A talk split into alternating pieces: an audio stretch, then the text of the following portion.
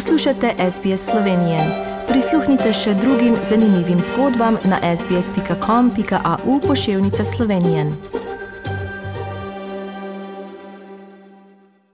Pozdravljeni, dragi rojaki in rojakinje. Državni zbor je v sredo potrdil novo vlado pod vodstvom predsednika Gibanja Svoboda Roberta Goloba, v kateri je 17 ministric in ministrov.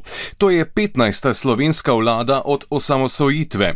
Golob je povdaril, da si nova vlada ne bo mogla privoščiti 100 dni miru in da bo treba takoj začeti z delom. Z dosedanjim premijejem Janezom Janšo, ki mu je zaželel, da bi ohranil tempo dela njegove vlade, sta opravila predajo poslov, izjava novega premijeja. Imamo na, svoj, na nek način srečo, da začenjamo pred poletjem s prevzemom oblasti, zato da bomo lahko poletje izkoristili za pripravo na jesen, kajti jeseni ne bo več časa za pripravo.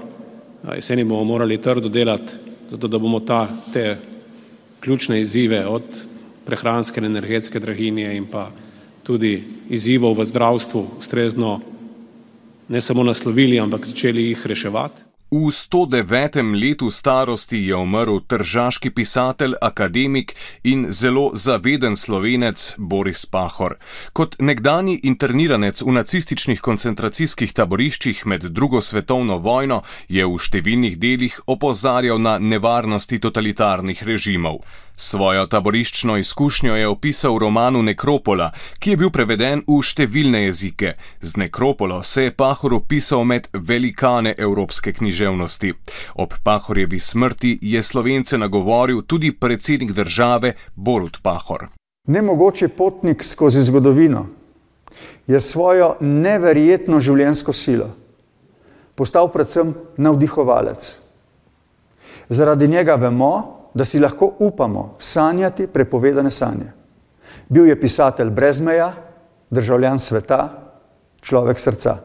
Slovenke in slovenci, evropejke in evropejci, srečni smo, da nam je usoda namenila Borisa Pahorja. V sredo je v 71. letu starosti umrl še en velik slovenec, prvi emageličanski škof na slovenskem, Geza Erniša. Po 18 letih se je leta 2013 umaknil in dobil naziv časni škof. Prejel pa je tudi državno odlikovanje Srebrni red za zasluge.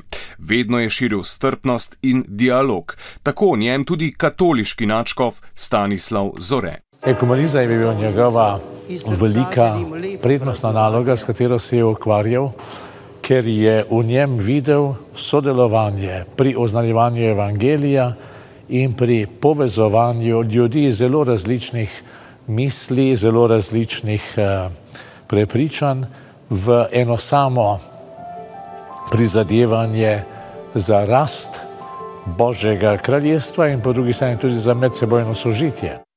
Slovence že pesti draginja. Cene življenskih potrebščin so se maja po podatkih statističnega urada na letni ravni v povprečju zvišale za kar dobrih 8 odstotkov. To je največ v zadnjih 20 letih. K letni inflaciji so največ prispevale više cene naftnih derivatov in hrane. Razlog je seveda vojna v Ukrajini.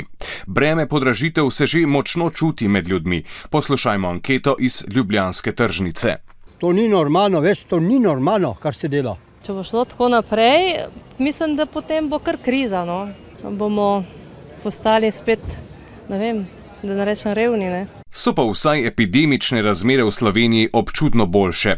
Ta teden so bili odpravljeni še zadnji epidemični ukrepi. Vlada je določila prenehanje veljavnosti odloka o ukrepih in razpustila strokovno skupino za COVID-19. Nikjer v Sloveniji maske niso več obvezne. To je bil tedenski pregled pomembnejših novic iz Slovenije.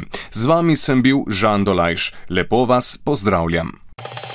Želite slišati sorodne zgodbe? Prisluhnite jim preko Apple ali Google podcasta, preko aplikacije Spotify ali kjerkoli drugje.